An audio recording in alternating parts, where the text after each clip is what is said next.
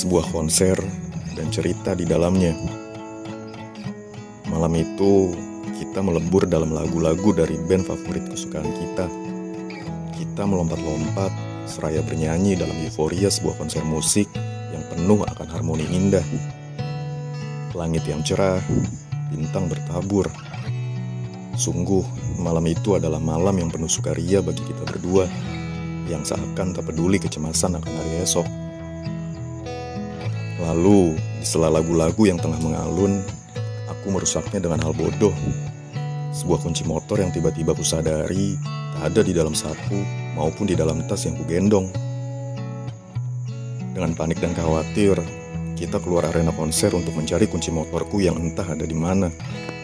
Karena ku yakin tak ada seorang pun yang coba mencurinya dariku di dalam area konser. Sial sekali, bukan hanya kunci motornya saja yang tak kutemukan, namun motor yang kuparkir di posisi yang masih kuingat letaknya juga tak lagi ada. Akhirnya kita memutuskan bertanya kepada petugas parkir. Dan ternyata motorku dipindahkan oleh mereka ke sisi sebelah pos jaga. Lega rasanya setelah melihat kuda besiku aman-aman saja. Dan kuncinya yang ternyata sebelumnya lupa ku cabut dari stop kontaknya ini dapat kembali ku genggam. Kita pun kembali masuk ke dalam euforia musik bersama. Meskipun sebenarnya dalam pikiranku masih terlintas apabila motorku tadi benar-benar hilang.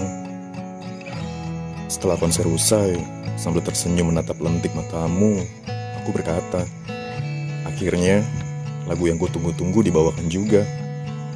Kau pun bertanya balik, lagu yang mana? Dengan nada ceria, sebutkan judul lagu itu. Kau pun membalas dengan senyum ringan yang membuatku tertunduk malu-malu. Lalu, sesampainya di rumah selepas mengantarmu pulang, buka pesan singkat yang kau kirim sejak 20 menit lalu. Sebuah pesan yang jelas kutangkap maksudmu, yang akhirnya membuatku mundur perlahan, hingga kita pun tak pernah lagi saling berkabar. Sekarang, aku hanya bisa mengingat sebuah nama di saat kembali kuputar video konser itu yang masih kusimpan baik-baik dalam ponselku. Setidaknya, itu cukup menghibur untuk sekedar tersenyum atas sebuah juang yang dulu pernah coba kuupayakan.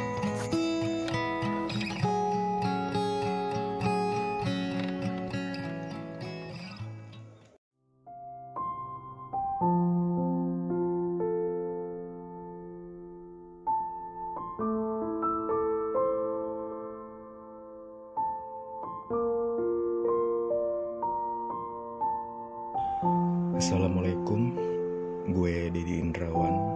Selamat datang di podcast gue. Gimana kabar kalian? Semoga baik-baik aja semua ya.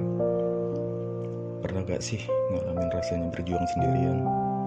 Atau tentang perasaan yang ternyata hanya bertepuk sebelah tangan? Kadang perasaan yang teramat yakin itu emang sering membuat kita terjebak pada stigma bahwa dia juga seirama. Padahal sebenarnya dia nggak pernah seamin meski hanya selarik doa.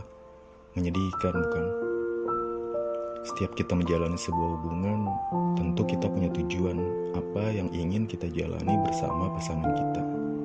Tapi bagaimana jika semua berjalan nggak sesuai harapan? Parahnya lagi, tanpa pernah ada kepastian.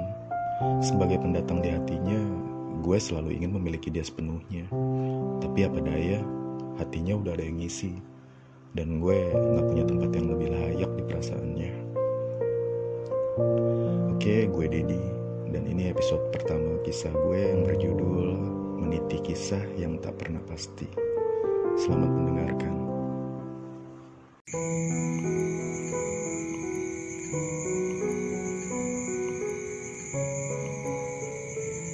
Merayakan ulang tahun di bawah cakrawala membentang kita memutuskan untuk pergi mendaki ke sebuah gunung yang tak jauh dari tempat tinggal kita. Berkat racun mendaki yang berhasil kau sematkan di otakku dua bulan lalu, inilah kali ketiga aku merasakan pengalaman baru dalam aktivitas yang dikenal penuh bahaya ini. Malam itu, seperti biasa, kau selalu sudah siap ketika hendak kujemput. Tak perlu lama lagi menunggumu repot berdandan. Kau bergaya bagai seorang pengelana dunia dengan boots hitam yang ikatan talinya kau sisipkan di kedua sisi pergelangan kaki dan keril coklat keemasan berkapasitas 60 liter yang kau rekatkan di balik punggung yang akan menemani pendakianku esok hari. Yang meskipun isi barang di dalamnya jauh dari kata penuh.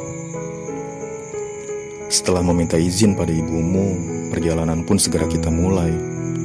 Kuda besiku siap mengantar kita menuju rumah kawanku yang berada di dekat kaki gunung yang akan kita tuju malam ini.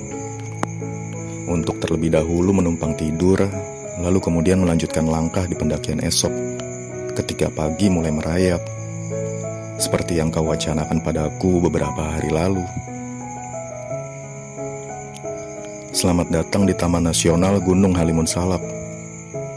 Sebuah tulisan yang tersemat di gerbang masuk jalur pendakian Seusai melakukan pendataan dan briefing sejenak, kita pun bergerak menuju sebuah petualangan. Kau begitu ceria dan penuh semangat, sesekali juga menyanyi untuk meringankan langkah.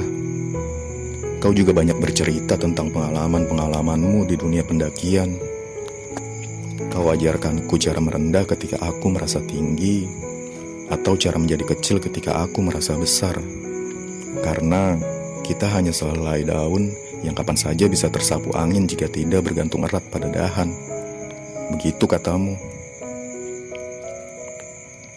Sampailah kita di punggungan gunung yang luas terbuka.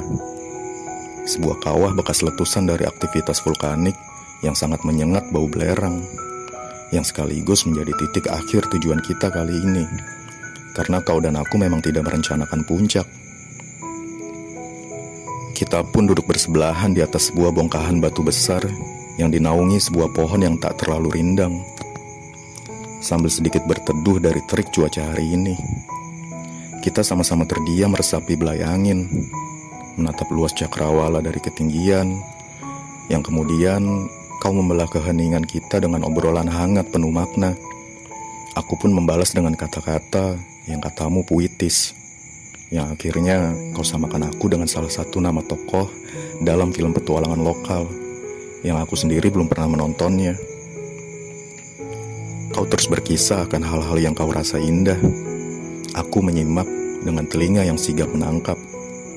Meski banyak hal yang sebenarnya masih sulit kugambar dalam bayangan. Sampai pada akhirnya, kau mengeluarkan sebuah tart kecil dengan balutan coklat putih dari dalam keril yang kau letakkan di sisi kirimu. Seraya berkata, hari ini hari ulang tahunku, dan aku ingin merayakannya bersamamu di sini.